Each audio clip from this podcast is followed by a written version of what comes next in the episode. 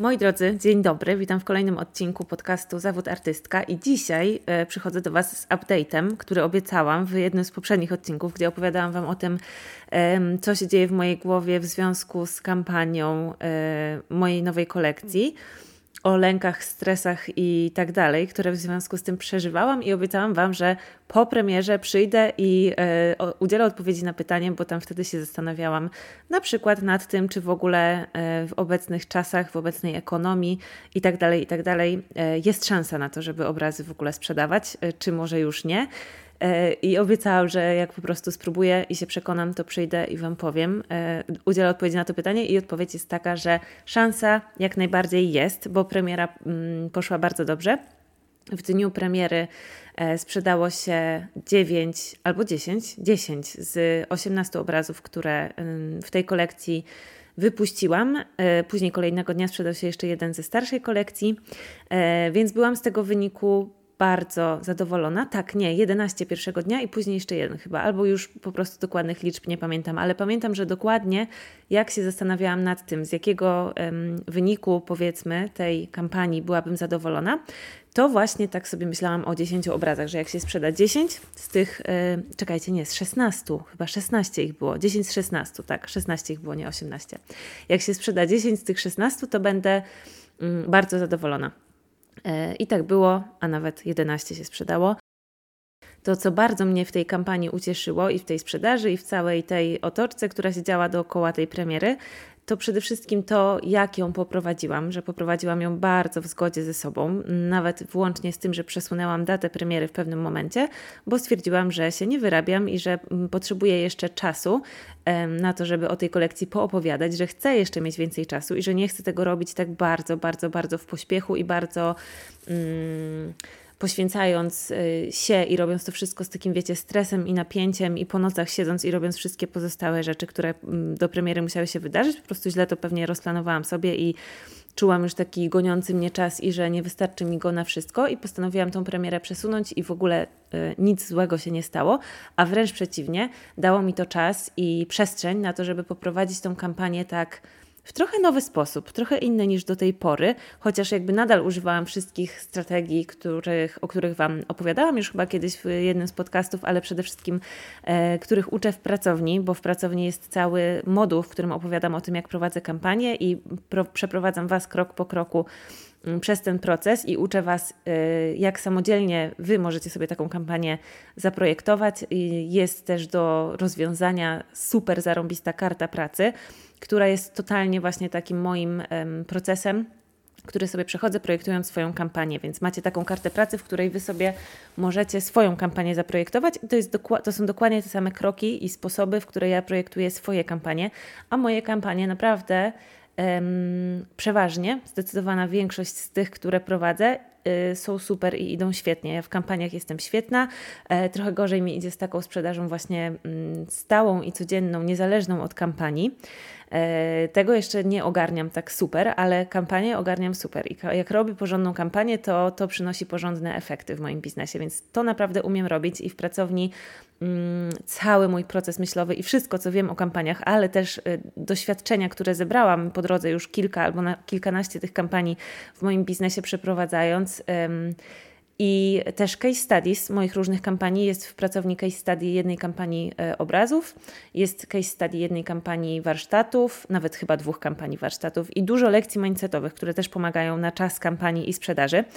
E, ale to tak nawiasem mówiąc. Chciałam tylko powiedzieć, że właśnie tą premierę przeprowadziłam zgodnie ze sztuką, której sama uczę, prowadzenia kampanii, ale yy, troszeczkę też nowych jakości się tam pojawiło i mam wrażenie, że ta kampania była taka trochę bardziej nastawiona na artystyczne aspekty e, tego produktu, czyli obrazów i tej kolekcji, i że trochę bardziej miałam, dałam sama sobie w niej szansę, okazję do takiego właśnie przeprowadzenia jej jak artystka, bardziej nawet niż jak e, bizneswoman i marketingowiec. Czyli mniej gadałam o produkcie i o mm, i o jego jakichś takich cechach, mniej tak sprzedażowo, mniej językiem korzyści i tak dalej, a bardziej po prostu opowiadałam o tych obrazach jako o obrazach i o tym, co artysta miał na myśli, kiedy je malował, czyli co ja miałam na myśli, kiedy je malowałam, co one dla mnie znaczą, co wewnętrznie dla mnie znaczą, co na takim poziomie właśnie, wiecie, właśnie na którym sztuka się porusza, czyli takim wewnętrznym one znaczą i o czym są, co ja przechodziłam e, podczas malowania tych obrazów i tak dalej, i tak dalej. I to zrobiło niesamowitą robotę i bardzo rezonowało i e, bardzo pomogło mi ostatecznie też w sprzedaży tych obrazów. Więc myślę, że to jest coś też do przemyślenia i chciałam się tym z Wami podzielić, ale dzisiaj chciałabym przede wszystkim opowiedzieć Wam o tym znowu, jeszcze raz, co się dzieje w naszej głowie, kiedy sprzedajemy, bo jestem na dosyć świeżo po kampanii i na dosyć świeżo po y, przepracowaniu wielu rzeczy, które właśnie podczas kampanii wychodzą nam w psychice i w głowie i w myśleniu. Y, I Dużo się zmieniło podczas tej kampanii. Dużo mm, przeskoczyłam rzeczy, dużo przepracowałam rzeczy, dużo miałam takich momentów przełomowych. Między innymi dlatego, że z zupełnie innych w ogóle powodów e, wróciłam ostatnio na kilka tygodni temu na terapię. I e, mimo, że poszłam tam właśnie z zupełnie innych powodów, to okazało się, że tak naprawdę spędzam bardzo dużo, większość czasu na terapii. E, rozmawiając o mojej pracy właśnie i o tym, co przeżywa moja psychika, pracy i podczas sprzedaży. I miałam okazję właśnie y, mieć jedną terapię przed premierą, gdzie przegadywałam jeszcze te swoje stresy i to wszystko, czego się boję i tak dalej. I później po premierze, gdzie przegadywałam już to, że poszło dobrze i co w związku z tym, bo to, że poszło dobrze, to wcale nie znaczy, że już jesteśmy wszyscy happy i, i nie ma żadnych mm, problemów i żadnych niefajnych rzeczy w głowie. O nie, nie, nie, nie, nie.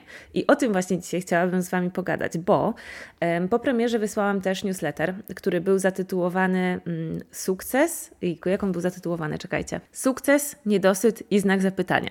Tak był zatytułowany i muszę Wam powiedzieć, że dostałam po tym newsletterze niesamowity feedback. Bardzo, bardzo dużo odpowiedzi na ten newsletter pojawiło się w mojej skrzynce. Bardzo to było dla mnie fajne, bo poświęciłam dużo czasu na napisanie go, ale też przede wszystkim czułam, że piszę tak naprawdę, wiecie, po prostu od siebie, tak jakbym pisała um, do totalnie bliskiej koleżanki, z której gadam sobie o biznesie i o tym, co w nim przeżywam i o tym, jak jest bardzo otwarcie, bardzo szczerze i bardzo e, niepowierzchownie.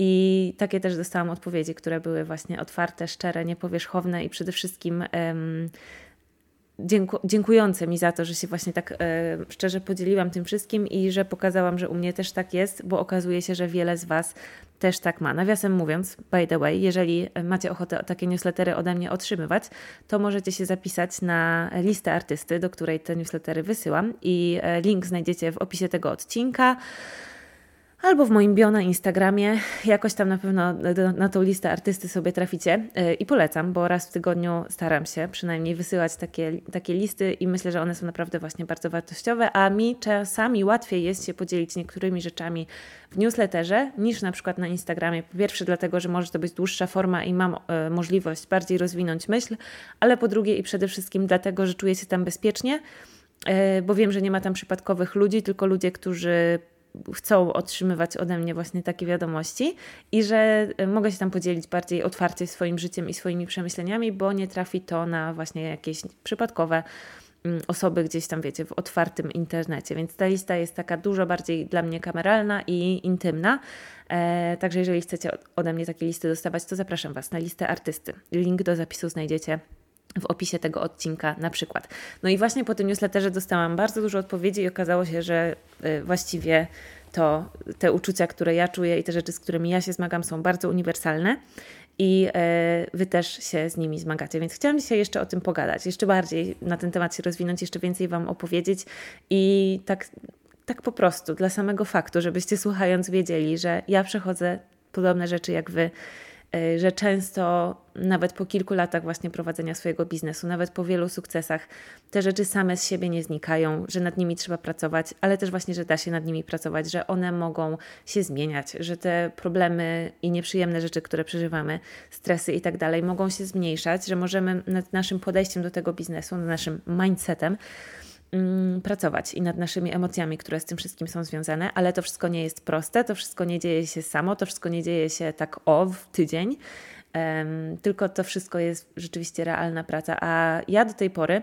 pracowałam nad tym wszystkim samodzielnie w sensie tej takiej, wiecie, właśnie wewnętrznej pracy nad, nad, nad moją głową. Robiłam to samodzielnie w kontekście mojego biznesu, e, bo chodziłam już wcześniej na terapię, ale totalnie tam w ogóle nie poruszałam tematów związanych z pracą. To było w ogóle w okresie, kiedy ja dopiero swój biznes rozkręcałam i zakładałam. E, pewnie też miałabym wtedy do przegadania dużo, ale wtedy miałam zdecydowanie ważniejsze, takie bardziej fundamentalne rzeczy do przepracowania i z nimi właśnie bardzo pomogła mi terapia sobie poradzić. A teraz po tych kilku latach, kiedy wróciłam, e, właśnie super okazuje się i w ogóle tego nie podejrzewałam, okazuje się, że jest to super narzędzie też pomocne właśnie w, mm, w pracy, w prowadzeniu własnego biznesu i w pracy nad tymi rzeczami, które e, się z nami dzieją, kiedy swój biznes prowadzimy. No to przejdźmy do rzeczy. Po tym może troszeczkę przy długim wstępie. Co się dzieje w naszej głowie, gdy sprzedajemy? Pogadajmy o tym. E, po pierwsze, słuchajcie, najśmieszniejsze było to, że po premierze, kiedy już byłam bardzo zadowolona, w ogóle wiecie, e, po, poszło super, no po prostu naprawdę poszło super. Poprowadziłam live'a, wernisaż live tej kolekcji, który w ogóle był uważam chyba moim najfajniejszym live'em do tej pory. Przynajmniej ja go tak odbierałam, bo ja się najlepiej czułam prowadząc go, najwięcej swobody miałam i powiem Wam szczerze, że do tej pory miałam coś takiego, że jak prowadziłam live'y i widziałam, że na tego live'a wchodził ktoś, kto mnie, ktoś bliski, kto mnie zna z życia prawdziwego, nie internetowego, ktoś z mojej rodziny albo przyjaciół, to mnie to peszyło. I w ogóle y, najbliższych prosiłam, żeby nie wchodzili na moje live'y, bo wiedziałam, że mnie to peszy, wytrąca jakoś tak z równowagi i później jest mi trudno wrócić, y, mm, wiecie, do myśli i jakoś tak się czuję mniej pewnie. A teraz prowadziłam tego live'a i zobaczyłam, że weszła na niego najpierw chyba jakaś znajoma, a później moja siostra i w ogóle nie poczułam tego takiego tąpnięcia. E, nie zbiło mnie to z tropu, nie speszyło mnie to, tylko prowadziłam sobie live'a dalej i czułam się naprawdę bardzo swobodnie i bardzo fajnie, chociaż e, byłam w dużych emocjach, wiadomo. Mm, ale bardzo ten live mi się fajnie prowadziło. No i w ogóle premiera poszła super, a ja się bardzo bałam i bardzo nie wiedziałam, czego się spodziewać, bo e, ostatnia moja premiera była kilka miesięcy temu, więc co prawda już był ten kryzys i już inflacja się zaczęła, ceny się już zaczęły podnosić, już była wojna, bo to było w marcu. E, oczywiście na Ukrainie wojna. I już jakby wiecie, takie powiedzmy czasy niepewne były, trwały. I ta kolekcja poszła tak ok, nie poszła świetnie, to była kolekcja Into the Flow, ale poszła ok, sprzedało się tam, mm, chyba połowa tej kolekcji się sprzedała, więc byłam zadowolona generalnie, ale muszę też tutaj e, wziąć pod uwagę, że ja wtedy tamtej kolekcji zrobiłam tak powiedzmy cztery razy mniejszą kampanię niż e, tą, której, którą zrobiłam teraz, tej obecnej kolekcji. Tak bym to tak bym to jakoś tak procentowo, wiecie, pokazała, że ta kampania, którą teraz przeprowadziłam, była większa, głośniejsza, dłuższa, skuteczniejsza i przyniosła też dlatego lepsze efekty mimo że kampania była cztery razy większa, to sprzedaż nie była aż cztery razy większa. To też ciekawe do zanotowania. Ale w każdym razie, wiecie, właśnie no nie wiedziałam czego się spodziewać, a często też od Was dostawałam pytania, yy, Kasia, czy dzisiaj w ogóle jeszcze w dzisiejszych czasach ma to sens, czy ktokolwiek jeszcze będzie kupował obrazy. I wiecie, ja tak na podstawie swoich doświadczeń z marca trochę odpowiadałam, trochę na podstawie po prostu rzeczy, które obserwuję i, i, i które uważam i które, w które wierzę, ale chciałam też mieć swój konkretny przykład, na którym mogłabym Wam pokazać i yy, z którego mogłabym rzeczywiście wyciągnąć wniosek, że na przykład tak da się, albo na przykład nie, nie da się, bo dałam z siebie wszystko, zrobiłam świetną kampanię, a nic się nie sprzedało. E, więc dlatego chciałam to przeprowadzić, a nie wiedziałam właśnie czego się spodziewać, więc no naprawdę, wiecie, ten sukces dużo dla mnie znaczył. W sensie to, że ta sprzedaż dobrze poszła, to, że 10 czy tam 11, już nie pamiętam, obrazów się sprzedało. Oczywiście ceny, tak jak co premierę, znowu troszeczkę podniosłam i w ogóle to powiem Wam, że mam ochotę je podnieść jeszcze bardziej i to wcale nie ze względu na inflację, ale ze względu na to, co w mojej głowie się zmienia w patrzeniu na mój biznes i na to, co tworzę, ale to może jeszcze dzisiaj, a może już w jakimś kolejnym odcinku. Mm, no i poszło dobrze. I słuchajcie, co później było. E, jak już zasypiałam, e, emocje ze mnie troszeczkę zeszły i zasypiam. I zamiast się cieszyć tym, że poszło dobrze, to ja się już zaczęłam martwić o co? O wysyłki. Zaczęłam się martwić, słuchajcie, o wysyłki i zaczęłam sobie myśleć, o Jezus Maria, a czy mi się teraz uda to wszystko dobrze spakować? A czy ja na pewno zamówiłam wszystkie kartony, które są potrzebne? A czy ja na pewno będę w stanie to zapakować tak, żeby nic się nie stało i żeby bezpiecznie dojechały te obrazy teraz do kolekcjonerów?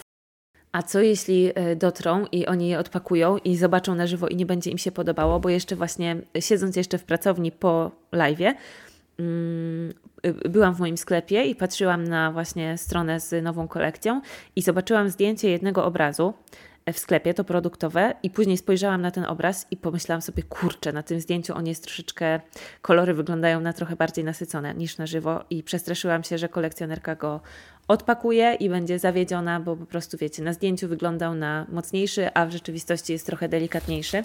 No i już takie, takie właśnie kolejne stresy, kolejny powód do stresowania się moja głowa sobie znalazła. Więc sobie leżałam z tymi myślami pędzącymi już o wysyłce. Później, moi drodzy, pojawił mi się taki lekki niedosyt, albo w zasadzie może to było jeszcze nawet tuż po live i tuż po zakończeniu się mm, tej godziny kolekcjonera, gdzie zawsze podczas tej godziny kolekcjonera, czyli pierwsza godzina e, od nawet przed premierą, kiedy y, klub kolekcjonera dostaje link i robi zakupy, to są emocje super i jest ta radość z tego, że ta sprzedaż tak idzie fajnie, po prostu odświeżam stronę, ciągle wiecie, wskakują powiadomienia, kolejne obrazy się sprzedają i no to jest po prostu taki raż totalny, tak jak jest... Mm, high biegacza, tak też powinno się mówić o tym, że jest high sprzedawcy i albo właściciela biznesu i jest coś takiego, jak widzimy te zamówienia wpadające, to po prostu mm, endorfiny tam szaleją w mózgu i dopamina. E, i jest, wiecie, po prostu super ekstra, tak jak ja często siedzę sobie w ciszy albo słucham jakiejś mm, spokojnej muzyki, relaksującej, albo takiej chillowej, to w, te, w, czasie tej godziny kolekcjonera włączyłam sobie jakieś totalnie po prostu playlistę, wiecie, do śpiewania w samochodzie, taką totalnie radosną, e, bo potrzebowałam właśnie jakoś odzwierciedlić tą, ten high, który czułam. E, I naprawdę tutaj skakałam i tańczyłam w pracowni po prostu, była to totalna radocha. A później taki lekki niedosyt się pojawił, no bo sprzedało się 10 obrazów, a miałam wystawionych 16. I wiecie, no kurczę, gdyby się sprzedało 14 albo w ogóle 16, to by był dopiero sukces, prawda? To bym mogła powiedzieć w ogóle, że sold out, że niesamowite i naprawdę to by było niesamowite rzeczywiście. E, a 10, no to tak okej, okay, nie? I teraz kurczę, czy naprawdę 16 dopiero albo 14 dopiero sprzedanych obrazów w jeden dzień to byłoby niesamowite, czy 10 obrazów sprzedanych w godzinę to nie jest niesamowite? Naprawdę, Kasia, serio? E, no trochę jest, bym powiedziała. E, oczywiście nad tym można pracować i można dążyć do tego i pracuję i dążę, żeby się sprzedawało tych obrazów jeszcze więcej i żeby ten przychód z tych premier był jeszcze większy. To jest wszystko taka gra tak naprawdę ten biznes, ale e, fajnie byłoby się cieszyć tym, co się ma, nie? I fajnie byłoby docenić siebie za te 10 sprzedanych obrazów.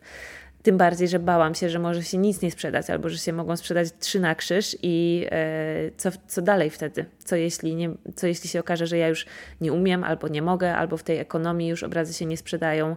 E, wiecie, to troszeczkę są takie naczynia połączone, nie? Co wtedy? No ja wiem z drugiej strony i mówiłam Wam też o tym w tym odcinku właśnie poprzednim mindsetowym, że no ja po prostu wtedy bym wymyśliła coś i jestem o tym przekonana, żebym zrobiła jakiś pivot, że byłabym, byłabym elastyczna i e, wymyśliłabym inny produkt, inny, inną kategorię produktów, inny sposób działania, inny sposób na zarabianie pieniędzy, e, taki, który nadal sprawiałby mi radość. Mm, niekoniecznie w ogóle wiecie, właśnie inny, nadal w ramach twórczego biznesu. Może poszłabym bardziej w warsztaty, może poszłabym bardziej w kursy, może poszłabym bardziej w jakieś inne produkty e, albo w inny sposób działania, nie taki jak do tej pory. Na pewno szukałabym po prostu rozwiązań i jakieś bym na 100%, 100 po prostu, 120 znalazła. E, więc bałam się tego, a tu okazuje się, że nie, że i, i w ogóle to była moja chyba najlepsza premiera tak naprawdę do tej pory, jeśli chodzi o przychód. Mm, bo były takie premiery, gdzie się sprzedawało e, po 20 kilka obrazów, ale to wtedy były inne obrazy w innych cenach, więc ich się sprzedawało więcej, a przychodowo to prawdopodobnie e, było mniej przychodu z tego wszystkiego. Więc myślę, że teraz ostatecznie e, to była moja najlepsza premiera, a i tak pojawił się taki niedosyt, że Ojejku, no ta głowa to jest po prostu niesamowite miejsce, że no, mogło się sprzedać więcej, nie? Zawsze. Mogło się sprzedać 14, mogło się sprzedać 16. Podejrzewam, że gdybym sprzedała 16 w ciągu tej godziny, to bym była niezadowolona, że mogło się sprzedać w ciągu 10 minut, prawda? E, także jest takie miejsce w naszej głowie, wiem, że Wy też to macie i ja też to mam, któremu ciągle mało, które ciągle e, mówi, ale mogłaś jeszcze lepiej. E, mogłaś jeszcze szybciej, mogłaś jeszcze więcej, mogło być jeszcze lepiej następnym razem może być jeszcze lepiej i do pewnego stopnia to jest zdrowe i fajne i to napędza nas w rozwijaniu naszych biznesów. żeby dążyć do tego, żeby następnym razem zrobić coś jeszcze lepiej, ale przecież to, że ja teraz przeanalizuję sobie tą premierę, wyciągnę z niej wnioski, wyciągnę lekcje, zobaczę, co mm, poszło super, co mogłam zrobić lepiej i wprowadzę te wnioski do mojej kolejnej premiery i dzięki temu może w kolejnej sprzedam 12 obrazów, a później w kolejnej 13 i tak dalej, i tak dalej. E, przecież, żeby to osiągnąć, nie muszę być niezadowolona z siebie teraz. Mogę być zadowolona z siebie teraz, że sprzedałam 10 obrazów w ciągu godziny i jest to świetne osiągnięcie i mm, jak zakładałam mój biznes, to marzyłam o tym, żeby takie rzeczy się wydarzały i żeby takie rzeczy się działy i teraz się dzieją. A mm, i mogę być z siebie zadowolona i dumna i powiedzieć, że to jest wystarczający wynik i nadal chcieć poprawić go i osiągnąć lepszy następnym razem, albo chociażby powtórzyć taki sam e, następnym razem. No nie zawsze e, ta głowa tak działa w taki sposób. E, czasami można sobie jakoś tak, wiecie, przetłumaczyć, ale te myśli, które się pojawiają, no przychodzą takie, po prostu przychodzą takie, przychodzi takie uczucie niedosytu, że mogło być jeszcze lepiej. E, tym bardziej, że myślę, że jesteśmy wszyscy mocno wystawieni i przyzwyczajeni już do tych komunikatów wszystkich, wystawieni na takie komunikaty, zwłaszcza właśnie na Instagramie, taką niektórzy to określają propagandą sukcesu, czyli no właśnie jakby każdy pokazuje tylko to, kiedy mu idzie tak świetnie. I ja tutaj nie jestem bez grzechu i pewnie sama moim, moją działalnością na Instagramie się Wam mogę przyczyniać do tego, że Wy macie na przykład taki pomysł, że mi zawsze, taki, mm, takie przekonanie, że mi zawsze wszystko dobrze idzie i możecie się porównywać na przykład, że e, Kasia sprzedała 10 obrazów, a ja tylko 5 albo 3 albo 2 albo 8 e, i że Kasi zawsze idzie dobrze i tak dalej.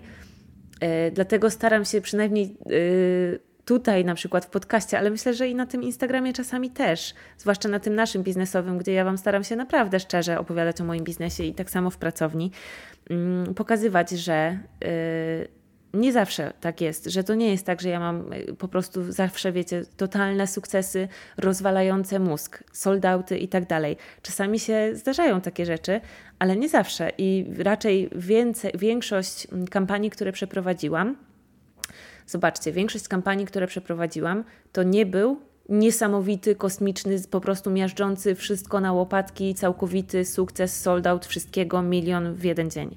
Nie, nie było czegoś takiego jeszcze. E, raczej moje kampanie i moje sukcesy to są takie o, no okej, okay, dobra, super. 10 obrazów z 16 się dzisiaj sprzedało. Nie sprzedały się wszystkie, nie sprzedało się 14, ale sprzedało się 10. Dobra, super. Następnym razem postaramy się zrobić trochę lepiej.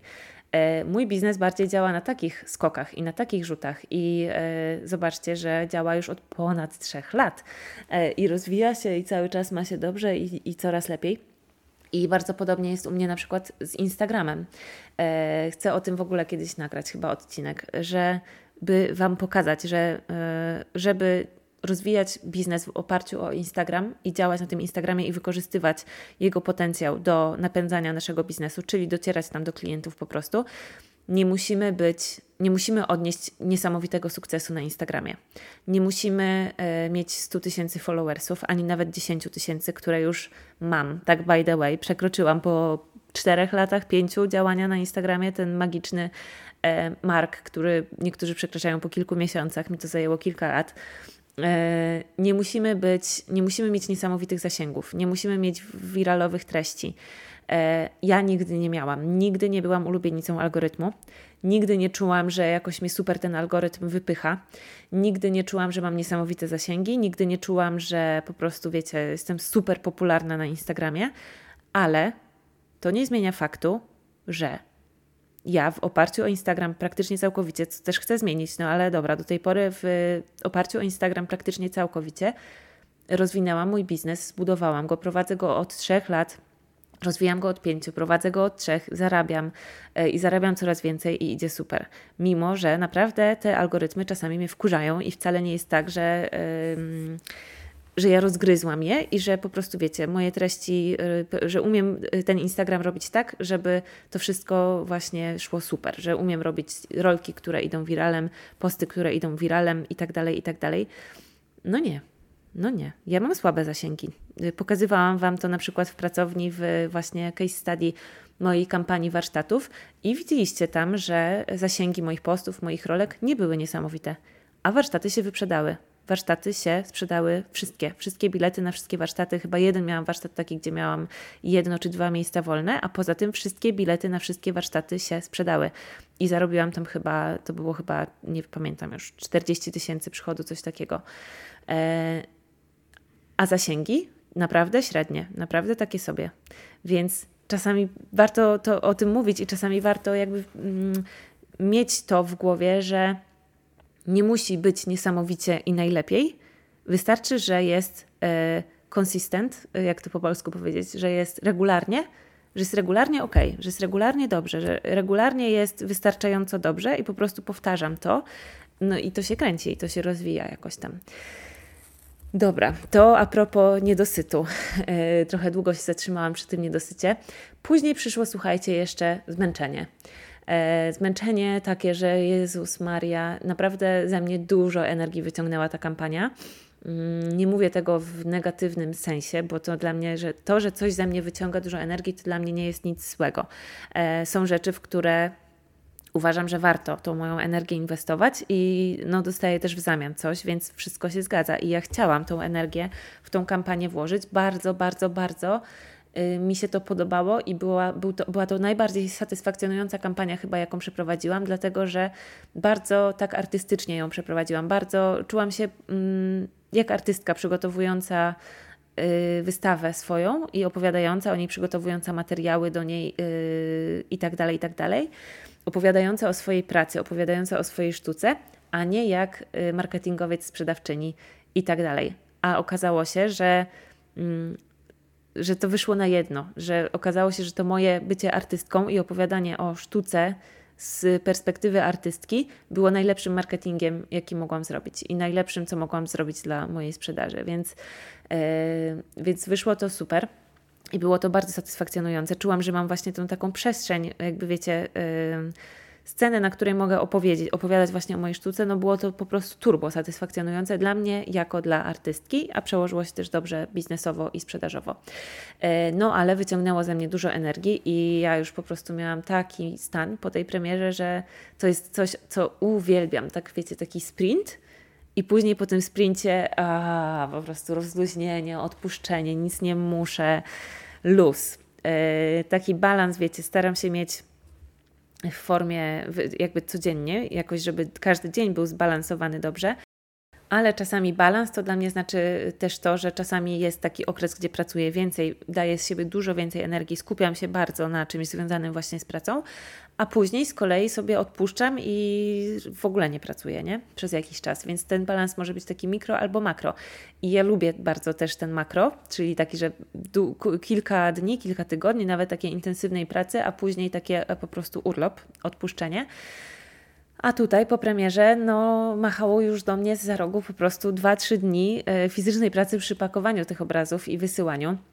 E, więc tak troszeczkę mnie to demotywowało i troszeczkę to było takie, o Jezus, no nie chce mi się, ale e, przyszłam, spakowałam, starałam się oczywiście też e, robić to z radością i doceniając to, że mam co pakować i mam co wysyłać i mam zamówienia i to są po prostu ludzie, którzy zainwestowali swoje pieniądze w moje oryginalne obrazy i te obrazy będą wisiały w ich domach i ja coś namalowałam, ktoś to kupił, jest to po prostu przepiękna wymiana. Mm, ale to zmęczenie też, też się dało we znaki i zrobiłam sobie później taki długi, e, długi weekend. Miałam piątek i poniedziałek wolny, więc cztery dni wolnego e, i fajnie bardzo odpoczęłam i fajny bardzo był ten długi weekend. E, I później przyszło jeszcze takie rozminięcie fantazji z rzeczywistością. I też o tym sobie rozmawiałam już po premierze Mm, z moją terapeutką właśnie, że jakoś tak, jak sobie wyobrażałam ten sukces i jak sobie wyobrażałam, e, że na przykład właśnie się sprzeda cała kolekcja, czy tam sprzeda się te 10 obrazów, jak sobie o tym myślałam, to to wszystko, co wtedy czułam w tej fantazji mojej, było bardziej intensywne niż to, co czułam, kiedy to się rzeczywiście wydarzyło. Czyli jak to sobie wyobrażałam, to sobie wyobrażałam, że ta radość z, tego, z tej premiery, z udanej, będzie większa. Wyobrażałam sobie, że ulga, którą poczuję, E, po tym, że jednak nadal mogę sprzedawać obrazy i ludzie je kupują i po prostu uff, no to wyobrażałam sobie tą ulgę, że to będzie taka ulga, że po prostu no koniec świata, naprawdę kosmos. E, I wyobrażałam sobie, że spokój, który dzięki temu osiągnę wewnętrzny, dzięki temu, że będę wiedziała, że nadal mogę prowadzić mój biznes i, i, i szanse moje nie są skreślone i tak dalej, i tak dalej, że ten spokój też będzie większy, że ta satysfakcja będzie taka wyraźniejsza że duma, którą będę czuła i, i radość z tego będzie taka to po prostu rozpierająca, totalna, po prostu naprawdę euforia, nie? A tymczasem po tej premierze przyszły te rzeczy, wszystkie, o których Wam dzisiaj opowiadam, czyli mm, stres o wysyłki, niedosyt, że mogłam sprzedać więcej, zmęczenie yy, i jakieś kolejne, wiecie, po prostu myśli. I ta radość, którą czułam, była, starałam się o niej pamiętać i przypominać, ale nie czułam jej aż tak dojmująco, jak chciałabym i jak sobie to wyobrażałam. I yy, długo to przegadywałam właśnie na terapii. I z jednej strony to, co zapamiętałam, to to, że tak też może być, że y, mogę zaakceptować to, że ta radość, y, którą czuję, jest właśnie taka, a nie większa, ale z drugiej strony też y, szukałyśmy z terapeutką powodu, dla którego coś mi tą radość blokuje i dla którego e, nie mogę jej, tak wiecie, przyjąć i otworzyć się na nią i poczuć jej całkowicie, bo coś tam mnie po prostu powstrzymuje i, i nie pozwala na to. I e, tutaj właśnie ukazał się nam ostatni bastion tych wszystkich y, emocji i mindsetowych różnych przeszkód związanych z, ze sprzedawaniem, z biznesem, z sukcesem, z radością, nieradością itd., tak itd. Tak I tym bastionem ostatnim jest znany wszystkim i kochany przez wszystkich syndrom oszusta, który mam tak samo jak wy i który po prostu jest, e, jest ze mną, jest ze mną ciągle. Chociaż myślę, że, że już go przepracowałam trochę. Teraz właśnie podczas terapii i w czasie tej premiery i po niej jeszcze bardziej, bo miałam taką dosyć mocną eurekę i opowiem Wam o niej zaraz. E, ale jakoś tak nigdy właśnie nad tym syndromem oszusta do tej pory się tak aż tak mocno nie skupiałam, aż tak dotkliwie nie czułam, nie czułam e, jej, tego, jak on mi przeszkadza, a teraz właśnie bardzo mocno zobaczyłam, że jednak go mam i że, i że to on jest tym, co mi troszeczkę mnie oddziela od, od radości z tego, co robię i od przyjęcia i ucieszenia się tym i od przyjęcia tego sukcesu do, do, do wiadomości, bo ten syndrom oszusta, on mi się pojawił też jeszcze od razu w dniu premiery. Po prostu to był, wiecie, y, taki roller coaster emocji. Właśnie mm, jak leżałam w łóżku i zasypiałam, to, to wszystko po kolei, co Wam dzisiaj mówię, to się właśnie wtedy pojawiło, a na końcu był właśnie syndrom oszusta. Czyli jak już y, przeszłam przez stres związane z wysyłkami. Jak już przeszłam przez to, że czułam niedosyt, bo mogłam sprzedać więcej, jak już przeszłam przez to, że o Jezus Maria, w sumie jestem taka zmęczona, a teraz jeszcze tyle dni pracy fizycznej przede mną, jak już sobie przeszłam przez to, że ta radość, którą czuję, nie jest aż taka jak ogromna, jak sobie wyobrażałam, to wtedy do mnie dotarło, co się stało. I wtedy sobie pomyślałam, ja pierdzielę, ej, fuck, naprawdę. Ja namalowałam obrazy, wrzuciłam je do sklepu za, za po prostu e, kwoty już, wiecie, pod 2000 niektóre podchodzące. Dla mnie to jest dużo i ja te, te moje ceny podnoszę tak mm, powolutku, powolutku, małymi kwotami, bo, e, bo cały czas też pracuję nad tym, żeby widzieć e, i, do, i adekwatnie wyceniać wartość właśnie moich obrazów. No i teraz najdroższe obrazy kosztowały chyba 1800 złotych o ile dobrze pamiętam, 1800, 1900, coś takiego. E, I miałam jedno zamówienie potrójne, jedno zamówienie podwójne, i właśnie ta, to zamówienie potrójne, które było największe, to e, wyszło na ponad 3000, więc ktoś mi zapłacił ponad 3000 za moje obrazy. To już po prostu, wiecie, dla mnie jest naprawdę kosmosik mały.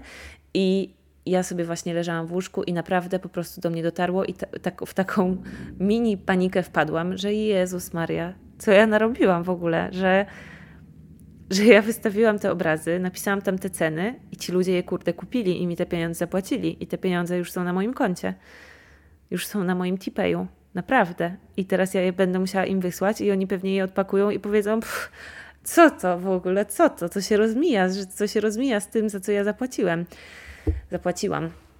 E, taki właśnie syndrom oszusta, czyli taki, że że że to, co ci ludzie kupili, to, co ja namalowałam, to, co ja do tej sprzedaży wystawiłam, te moje obrazy, one wcale nie są tyle warte. To, że to jest jakieś oszustwo, że to jest jakaś ściema, że to jest jakieś nakręcanie, po prostu sztuczne pompowanie tej wartości marketingiem, a jej tam tak naprawdę nie ma. E, I rozmawiałam właśnie o tym e, doszłam do tego i rozmawiałam właśnie o tym z moją babeczką na terapii i cudowne były rzeczy, które mi powiedziała i naprawdę bardzo mi ta rozmowa pomogła. W ogóle fascynuje mnie to, jak e, często nawet ja z kimś rozmawiam o tego typu rzeczach i ktoś mi tak mówi właśnie, że no co ty, no przecież twoje obrazy są bardzo wartościowe. Albo sama sobie to mówię, albo sobie o tym, wiecie, piszę, albo sobie na ten temat medytuję, albo cokolwiek. A e, ta rozmowa, taka, to co się dzieje w czasie terapii i ta, mm, ten specyficzny proces, ten proces terapeutyczny i ten typ rozmowy i to, co się tam dzieje w tym pokoju, to jest niesamowite dla mnie, że to często są takie momenty, w których coś, co ja już słyszałam tysiąc razy i sama sobie powtarzałam tysiąc razy, w końcu siada. Naprawdę dociera do mnie i naprawdę, wiecie, zmienia mi się patrzenie na to. I trochę tak było właśnie z tym syndromem oszusta. E, I e, moja terapeutka mi uświadomiła, że e, gdyby ci ludzie nie widzieli w tych moich obrazach takiej właśnie wartości, tak wyrażonej w pieniądzach, w, w takiej kwocie, to by mi tego nie zapłacili. Gdyby e, oni tych pieniędzy nie mieli, bo może się też pojawiać czasami taki strach, że właśnie e, się ludzi obdziera z pieniędzy, nie? których oni nie mają tak naprawdę i w ogóle robimy im krzywdę, że oni nam oddają swoje pieniądze, e, że gdyby oni ich nie mieli, gdyby oni ich nie mieli więcej, gdyby oni ich nie mieli na rzeczy typu sztuka, to by ich nie wydawali na rzeczy typu sztuka. Albo gdyby te rzeczy typu sztuka nie były dla nich na tyle ważne, żeby wydać na nie tyle pieniędzy, to oni by tego naprawdę nie zrobili. Skoro to zrobili, to znaczy, że to musi mieć dla nich właśnie taką wartość. Nikt, nikt nie zapłacimy, y, jeżeli nie musimy, to nie zapłacimy za coś więcej niż to ma dla nas wartość. Jakby, jeżeli widzę na przykład, nie wiem, stolik, który kosztuje 30 tysięcy złotych, ale stwierdzę, ja nie mam tyle, no to go nie kupię. Albo na przykład, jeżeli miałabym tyle, ale bym powiedziała, ale ten stolik nie jest dla mnie wart aż tyle pieniędzy, to bym go nie kupiła za tyle. I tak samo można sobie powiedzieć o obrazach, że jeżeli ktoś nie widzi w nich tyle tej wartości, to, to tyle za to nie zapłaci. A skoro zapłacił, to znaczy, że widzi. I jeszcze więcej, słuchajcie, e, co tak naprawdę jest wartością obrazów? Co my tak naprawdę sprzedajemy jako artyści? E, obojętnie, czy właśnie sprzedajecie obrazy, czy jakieś inne artystyczne twory, rzeczy, które wychodzą z Waszej wrażliwości, z Waszej mm, z waszego poczucia estetyki, z waszego e, rzemiosła, e, z waszej pasji przede wszystkim, z waszej potrzeby tworzenia tego i umiejętności tworzenia tego. To jest też takie ważne, że my się też często obracamy w gronie naszym własnym sosie artystów i nam się wydaje, że kurka, wszyscy ludzie na świecie po prostu tak o sobie są w stanie przyjść i coś stworzyć, namalować, wyrzeźbić, ulepić, uszyć, zaśpiewać, napisać i tak dalej. Nam się tak wydaje, że to jest takie proste, bo nam to tak prosto przychodzi i też dlatego, że my to kochamy robić i robilibyśmy to nawet gdyby nam nikt za to wcale nie płacił, nawet gdybyśmy my musieli za to płacić, żeby móc to robić, to byśmy za to płacili, żeby móc to robić, bo tak bardzo chcemy to robić i potrzebujemy to robić i to w nas siedzi. To jest jakby siła, wiecie, po prostu ona chce być użyta, chce być wyrażona. I jaka wartość tak naprawdę jest w tych naszych obrazach? Bo to nie jest wartość, mówię obrazach, ale wiecie, że mam na myśli każdy, każdy artystyczny produkt. Mm, to nie jest tak naprawdę absolutnie wartość minut, które poświęciliśmy na to, bo kilka y, moich obrazów powstawało przez kilka dni, ale są też takie, które powstały w godzinę. I bardzo się podobają i się już wszystkie sprzedały, te, które powstały w godzinę. I to nie jest tak, że ten, który malowałam kilka dni, wystawiłam za więcej niż ten, który namalowałam w godzinę, ani nie jest tak, że on jest więcej albo wart, albo że mniej jest wart ten, który szybciej powstał. To nie jest kwestia mm, tego czasu, który ja konkretnie poświęciłam na, na namalowanie tego, bo naprawdę trzeba tutaj wziąć pod uwagę to, że maluję od 15 lat, to, że skończyłam studia artystyczne w tym kierunku. Znaczy nie w, nie w kierunku malarstwa, no ale w kierunku tworzenia skończyłam studia mm, artystyczne. To, że poświęciłam e, naprawdę wiele, wiele, wiele godzin już na malowanie, na odkrywanie mm, swojego stylu, na to, żeby malować coraz lepiej, ale nie tylko to. To, że to jest moja pasja i to, jaką jakość energii ja wkładam w to, tworzenie tego, to, że ja to kocham, to, że to jest coś, co ja kocham i to w tym jest, ta moja miłość, to, że ja kocham to robić, to w tym jest.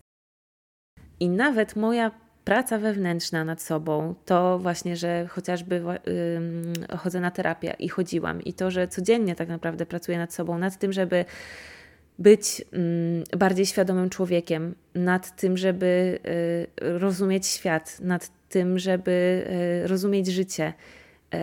To wszystko, chociaż to są abstrakcyjne obrazy i ja nie piszę właśnie, wiecie, książek self-help na ten temat, tylko maluję obrazy, ale to wszystko, to jaką, jaką ja mam głębokość jako człowiek, to wszystko też się przekłada na, na głębokość moich obrazów i to wszystko też im dodaje jakości.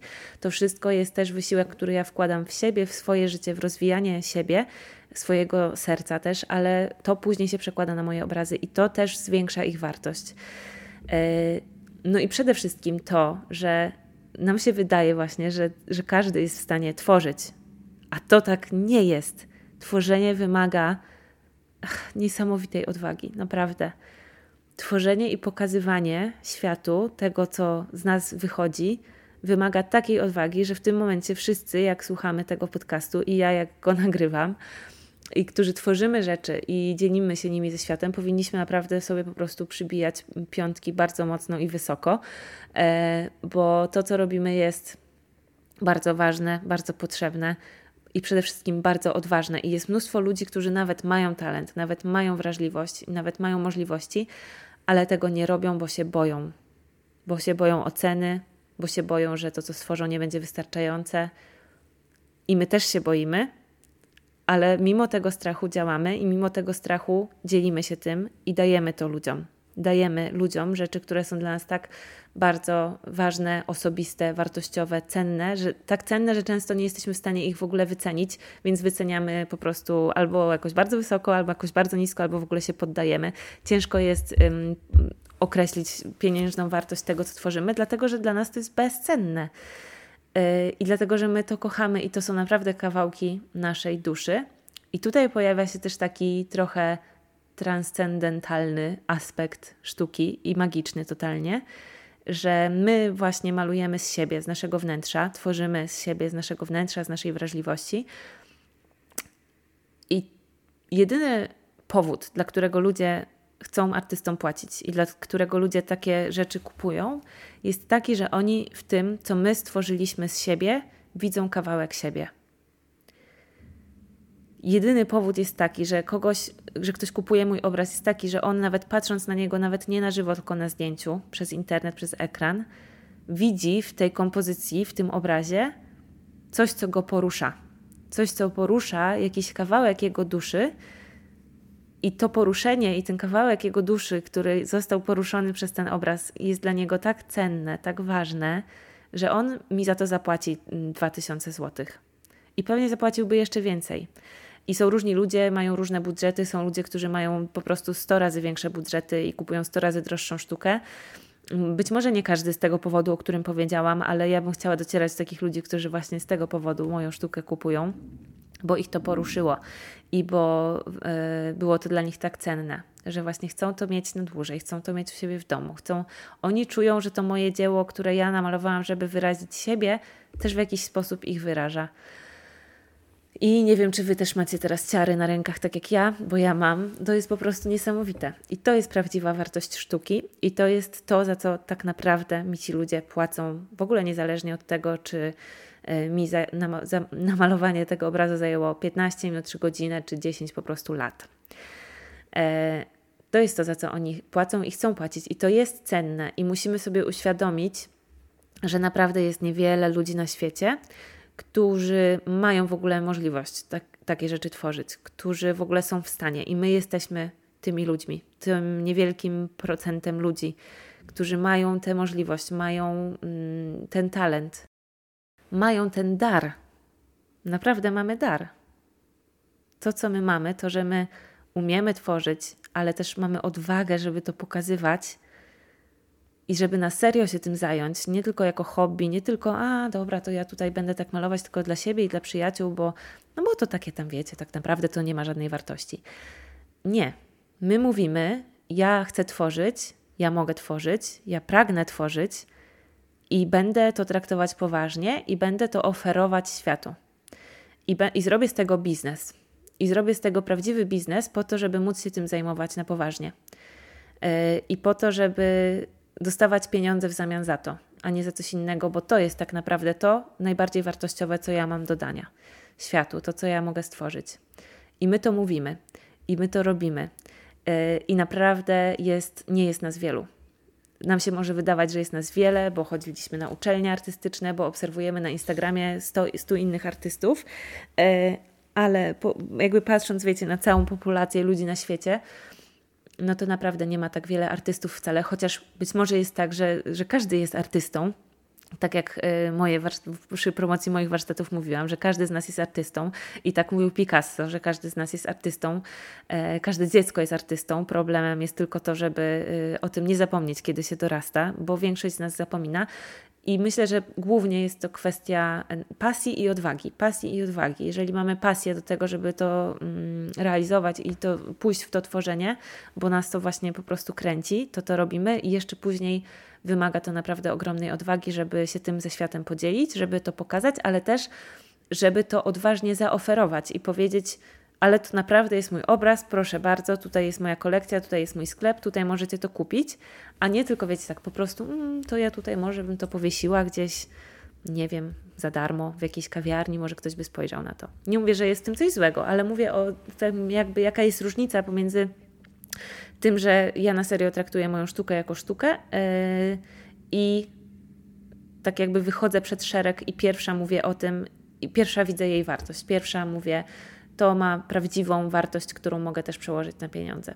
I oczywiście ja się teraz mądrze i oczywiście ja teraz, wiecie, mówię yy, z takiej perspektywy właśnie już dostrzegania tego, jaka jest ta wartość tej naszej pracy. Mm, a wyszło to wszystko od tego, że ja sama czułam ogromny syndrom oszusta, który mi właśnie troszeczkę blokował radość z tej yy, udanej premiery i sprzedaży. Ale naprawdę, naprawdę właśnie ta, ta rozmowa z terapeutką e, po, już po premierze właśnie mojej, gdzie sobie przegadywałyśmy to, co się wydarzyło i właśnie do, doszłyśmy do tego, że ten syndrom oszusta mi tą radość blokuje, i skąd ten syndrom oszusta jest, co ja tak naprawdę sobie myślę, że ja tak naprawdę sobie myślę właśnie, że, mm, że te moje obrazy nie są warte wcale tyle, za ile je wystawiłam i za ile ludzie je kupili, więc zrobiłam po prostu jakieś, wiecie, oszustwo.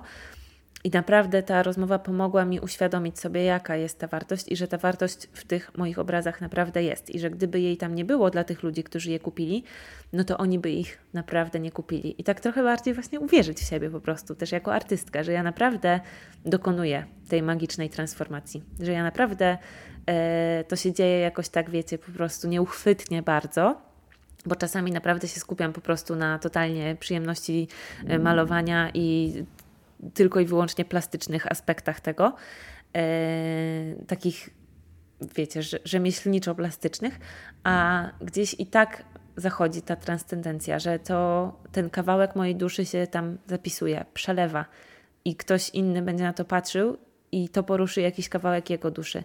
I to jest ta komunikacja, która, którą my jako artyści robimy. I to są rzeczy naprawdę niesamowite. Naprawdę trudne do uchwycenia, trudne do wyrażenia słowami, ale bardzo wartościowe i tak jak zawsze powtarzam, chociaż czasami sama o tym zapominam, bardzo potrzebne. I e, ludzie tworzą sztukę odkąd są ludźmi. Nieliczni tworzą, a liczni y, konsumują i korzystają z niej, i oglądają, i uczestniczą w sztuce, są odbiorcami sztuki. E, w każdym społeczeństwie są artyści, w każdym społeczeństwie jest potrzeba sztuki, w każdym społeczeństwie sztuka jest tworzona, odkąd ludzie są ludźmi i nie wygląda na to, żeby to się miało zmienić. Więc ludzie naprawdę nas potrzebują, naprawdę chcą kupować i to nadal. E, nawet w ciężkich czasach, nawet w ciężkiej ekonomii, chcą kupować um, artystyczne produkty, bo nadal mają one dla nich tak naprawdę taką samą wartość. I są ludzie, tak samo wrażliwi jak my. Mm, my jesteśmy bardzo wrażliwi jako artyści i do tego mamy talent i możliwość tworzenia tego. Jeszcze na, tak wsadziliśmy najczęściej kilkanaście lat w rozwijanie tego talentu nie? I, i naszego rzemiosła.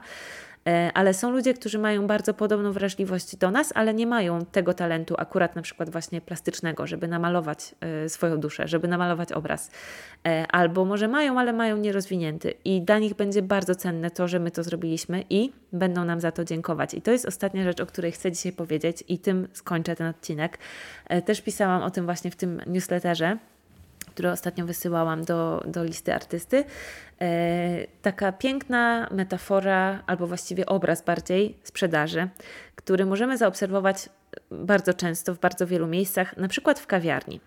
E, I ten obraz jest taki właśnie, że dwie osoby, które uczestniczą w jakiejś transakcji, są szczęśliwe, zadowolone i sobie nawzajem za nią dziękują. Zobaczcie, jak idziemy do kawiarni, którą naszej ulubionej kawiarni. Po prostu jest super kawiarnia, w której kawa jest tak pyszna, że, że nie wiemy, jak to się dzieje, że jest aż tak pyszna. Wnętrze jest super, atmosfera jest super, ludzie są super, po prostu energia jest super, wszystko nam tam pasuje. I idziemy tam z przyjemnością. I idziemy tam i płacimy tam 20 zł za kawę. E, zrobienie kawy w domu kosztowałoby nas 10 razy mniej albo 20 razy mniej, albo moglibyśmy sobie kupić kawę w żabce za 3,50, ale idziemy właśnie tam, właśnie tam, mimo że tam ta kawa jest droższa, to właśnie my chcemy właśnie tą kawę, bo właśnie mamy ochotę na dobrą kawę. No i idziemy i kupujemy. I barista nam tą kawę robi i przyjmuje od nas pieniądze. Wyobraźmy sobie, że nie mamy karty, mamy gotóweczkę i on od nas przyjmuje te dwie dychy i mówi dziękuję, bo on dostał właśnie coś, od nas za tą kawę. Dostał zapłatę, dostał pieniądze. Powiedzmy, że ten barista to jest właściciel tej kawiarni i on sobie na tym bezpośrednio jakby zarabia dla siebie. To znaczy odlicza wszystkie koszty, koszt tej kawy, koszt prowadzenia biznesu, utrzymania knajpy itd., tak itd. Tak i ma jakąś tam marżę na tej kawie. Powiedzmy, zostaje mu z tej kawy dla siebie 7 zł. E, no i on właśnie zarobił na tej jednej kawie naszej 7 zł, tą swoją marżę. I on mówi dziękuję, e, bo dostał od nas pieniądze a w drugiej ręce już trzyma kawę i przekazuje nam tą kawę, i my ją wtedy bierzemy do swoich rąk i mówimy dziękuję. Albo nawet w tym samym momencie możemy sobie wyobrazić, że to się dzieje. Po prostu on nam daje kawę e, i my ją bierzemy w jedną rękę, a my w drugiej ręce mamy pieniądze i, i dajemy je jemu i on je od nas bierze i wymieniamy się. My dostajemy pyszną kawę, on dostaje 20 zł. E, dostaje marżę za swoją kawę i możliwość prowadzenia tego biznesu, a my dostajemy pyszną kawę. I on nam mówi dziękuję i on się czuje ok z tą transakcją, bo on sobie wycenił swoją kawę na 20 zł, czyli e, dosyć dużo, nawet jak dzisiaj, jak za kawę. E, ale wie, że ta kawa jest tak dobra, że jest tego warta i że ludzie będą tyle za nią płacić. I rzeczywiście płacą, bo widzą w tym sens, bo widzą wartość w tej kawy.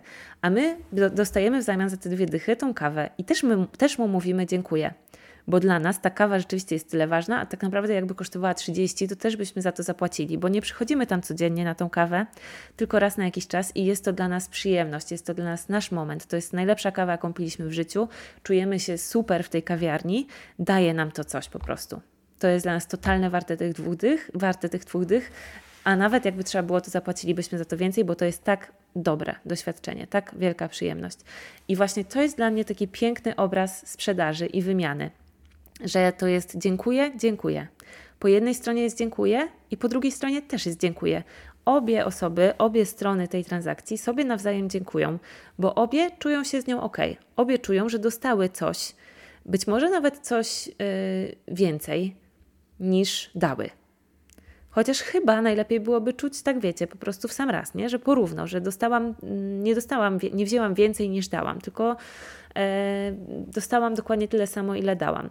Ale może tak być, że zobaczcie, e, niby ta transakcja jest wyceniona właśnie tak porówno, że wartość tej kawy to jest 20 zł, ja to wiem, tyle płacę, on to wie, dlatego tyle wycenił, ale tak naprawdę gdzieś jeszcze dodatkowo dzieje się jakaś taka magia, że te 20 zł to jest po obu stronach jakby za dużo i obie strony czują, że dostały więcej. Jest kawa, kosztuje 20 zł, ale tak naprawdę obie strony tej transakcji czują, że dostały coś więcej. To znaczy, ja czułam, że dostałam kawę plus całą atmosferę, która otacza tą kawę i to miejsce, i jest to dla mnie warte nawet więcej niż te 20 zł. Czyli w zamian za dwie dychy dostałam coś, co jest dla mnie warte nawet więcej. Nawet mogłabym za to zapłacić więcej, ale chcieli dwie dychy, to dałam dwie dychy, a dostałam coś super, coś, co jest dla mnie warte naprawdę więcej. A być może ten barista albo tam właściciel tej kawiarni dostaje te, te, dwie dychy i, so, i, i, daje nam w zamian tą kawę i sobie myśli, hmm, Inni sprzedają taką samą kawę, tak naprawdę, za 15 zł. A ja sprzedaję za 20. I nie wiem, czemu ci ludzie tak bardzo lubią tą moją kawiarnię. Naprawdę nie rozumiem, czemu oni mi chcą płacić te dwie dychy, skoro mogą zapłacić gdzieś indziej za dokładnie taką samą kawę 15, albo mogą sobie zrobić w domu za 2, albo mogą zapłacić w żabce 4, e, a jednak przychodzą tutaj do mnie i płacą mi te 20. I o co tutaj chodzi? Nie wiem. Czuję się troszeczkę jak oszust. Wyobrażamy sobie, że właściciel kawiarni ma syndrom oszusta, tak jak my artyści.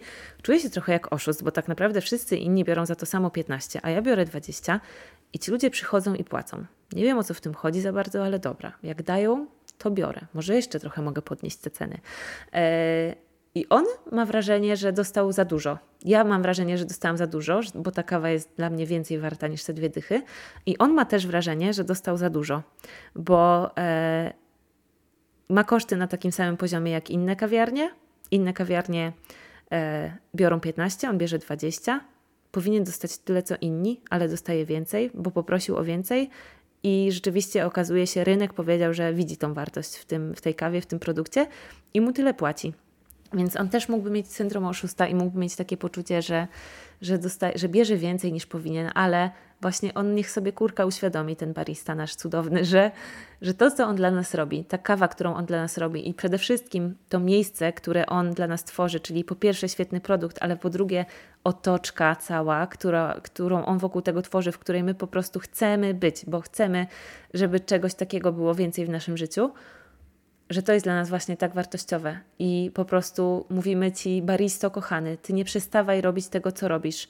Jak potrzebujesz, to po prostu czarczuj jeszcze więcej za tą kawę, bo to miejsce, które tworzysz, dla nas dużo znaczy i jest nam potrzebne i uwielbiamy tu przychodzić i uwielbiamy tą Twoją kawę i nie przestawaj Ty jej robić i nie wpadnij w jakieś kompleksy, że, że Ty jesteś tak naprawdę takim zwykłym baristą, tam, co tam ta kawa, przecież ludzie mogą sobie taką zrobić w domu. Nie, po prostu rób swoją magię, rób swoją kawę, my Ci będziemy za nią płacić tyle, ile chcesz, bo ona dla nas jest po prostu czymś wspaniałym i bardzo dużo wnosi do naszego życia i dziękujemy Ci za nią. I właśnie to dziękuję, dziękuję. To jest dla mnie taki piękny obraz. E, to nie jest mój oryginalny pomysł. Słysza, usłyszałam to w jakimś filmiku, tylko niestety Wam już nie powiem w jakim, bo nie pamiętam. To był filmik e, z kanału The Future The Futur to się pisze i tam jest taki typ i on prowadzi rozmowy z różnymi ludźmi właśnie a propos biznesu. On mm, głównie się zajmuje takimi biznesami, e, pewnie go znacie zresztą, mm, graficznymi, design, designowymi i tak dalej. Mm, ale dużo ciekawych treści tam można znaleźć. I właśnie była rozmowa z jakimś człowiekiem, który rozmawiał o wycenianiu nie dokończyłam tej rozmowy nawet, ale bardzo zapamiętałam ten, ten, ten motyw. Właśnie z tym dziękuję, dziękuję, że to jest właśnie, do tego powinniśmy dążyć, że dobra sprzedaż i dobry biznes to jest taki, w którym po obu stronach tej transakcji jest dziękuję, dziękuję i obie strony y, czują, że dostały więcej niż y, powinny. Czują się, wiecie, po prostu tak, takie overflow, czują się po prostu wynagrodzone świetnie za to, ile włożyły w to wszystko. No dobra, moi drodzy, e, to wszystko, co mam dzisiaj Wam do przekazania. E, bardzo dziękuję za, e, za Waszą obecność tutaj w tym podcaście i za wysłuchanie. Jeżeli macie ochotę i macie jakieś refleksje, myśli, którymi się chcecie ze mną podzielić po tym odcinku, to zapraszam Was bardzo serdecznie do kontaktu. Możecie mnie znaleźć na Instagramie kasia.ekes. Jest też e, Instagram mojego membershipu biznesowego dla artystów, który prowadzę i do którego możecie w każdej chwili dołączyć, jeżeli tylko macie ochotę. Będą się tam działy też w najbliższym czasie fajne rzeczy. E, I ten Instagram się nazywa Pracownia Membership. Możecie go e, też sobie obczaić i tam z nami zostać. Ja tam działam nieregularnie. Działam tam y, i wrzucam jakieś biznesowe treści w momencie, kiedy mam na to trochę więcej czasu, kiedy nie ma jakichś takich super, wiecie, projektów w moim artystycznym biznesie. Jakoś to tak próbuję pogodzić i ostatnio była premiera mojej nowej kolekcji. Teraz prowadzę przedsprzedaż reprodukcji, więc jakby jestem tym bardzo zajęta i nie, nie, pojawiają się, nie pojawia się za dużo treści na tym Instagramie pracowni, ale już zaraz myślę, że troszeczkę zmienię właśnie biegi i troszeczkę znowu mm, się tam bardziej zaangażuję, więc też bardzo zapraszam. W najbliższym czasie będę też tam prowadziła QA yy, a propos tej kampanii, tej kolekcji, którą ostatnio przeprowadziłam, więc możecie też przyjść i sobie posłuchać yy, albo raczej poczytać. Yy, możecie się też zapisać na listę artysty, gdzie co tydzień wysyłam maile takie między innymi jak te, o których dzisiaj Wam powiedziałam. No i przede wszystkim zapraszam Was bardzo serdecznie do pracowni, czyli do mojego membershipu biznesowego dla artystów, w którym po prostu są poruszone wszystkie tematy, które są potrzebne artyście do prowadzenia biznesu naprawdę. I to nie tylko przeze mnie, ale też przez e, pięć cudownych ekspertek, a może nawet i więcej. Już teraz nie będę sprawdzać. W każdym razie są moduły przygotowane przez ekspertki, moduły na przykład o tym, jak prowadzić komunikację e, i wizerunek budować małej marki, e, o organizacji małego biznesu, o zarządzaniu finansami w biznesie, o budowaniu sklepu internetowego. Jest bonus prawny, w którym macie rozkminione i odpowiedzi na wszystkie pytania związane z zagwozdkami prawnymi związanymi z prowadzeniem własnego biznesu. Jest bardzo dużo fajnych e, bonusów i modułów prowadzonych przez ekspertki. Moduł o e-mail marketingu też, który miał swoją premierę niedawno.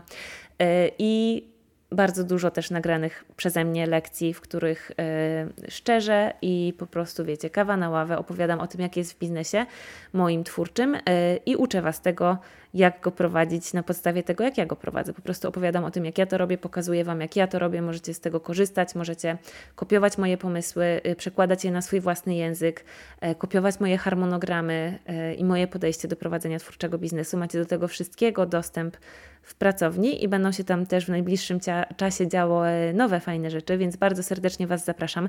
Pracownia.kasiaekes.pl Na tej stronie znajdziecie wszystkie szczegóły i możecie sobie tam zobaczyć.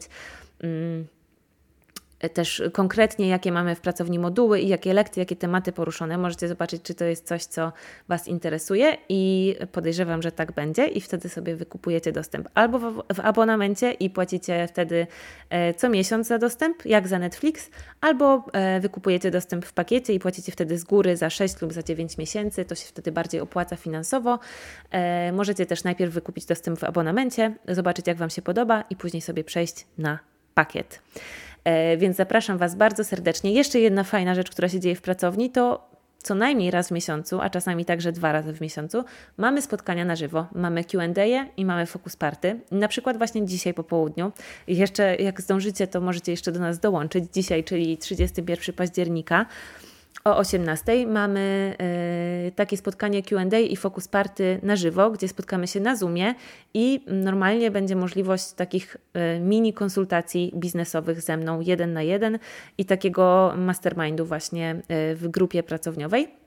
To znaczy, możecie sobie przyjść i po prostu opowiedzieć mi jakąś, jakiś swój, wiecie, problem, który macie i zadać pytanie i poprosić o jakąś radę konkretnie e, odnośnie Waszego biznesu. Ja bardzo lubię taką formę tych QA'ów, bo wtedy mam możliwość dopytać się was, was o coś. E, nie jest to tylko, wiecie, takie pytanie suche, przysłane, tylko mam możliwość doprecyzowania i e, takiej bezpośredniej rozmowy z Wami. I jest to naprawdę super. Kiedyś się tego bałam. Bałam się, że nie będę, wiecie, e, umiała na wszystkie pytania w ten sposób odpowiedzieć i nie będę miała, mm, nie będę umiała każdemu pomóc, ale okazuje się, że, że jednak kurczę, mam dużą wiedzę, jeśli chodzi o twórczy biznes i, i spore doświadczenie i bardzo dużo pomysłów i jestem w stanie Wam pomagać. Też w takiej formie jeden na jeden e, w pracowni. Normalnie nie prowadzę przynajmniej na ten moment takich konsultacji biznesowych jeden na jeden, ale w pracowni raz w miesiącu jest taka możliwość, żeby mi zadać pytanie konkretnie odnośnie swojego biznesu i ja na te pytania wszystkie odpowiadam, więc bardzo serdecznie Was zapraszam. pracownia.kasiaekes.pl i będzie mi też bardzo miło, jeżeli podzielicie się moim podcastem z, ze swoimi obserwatorami, z innymi, e, udostępnicie go gdzieś tam w social mediach i, i pokażecie światu, że taki podcast jest. No, to tyle. Bardzo Wam dziękuję i do zobaczenia, do usłyszenia może raczej e, za tydzień w kolejnym odcinku. Trzymajcie się, pa pa!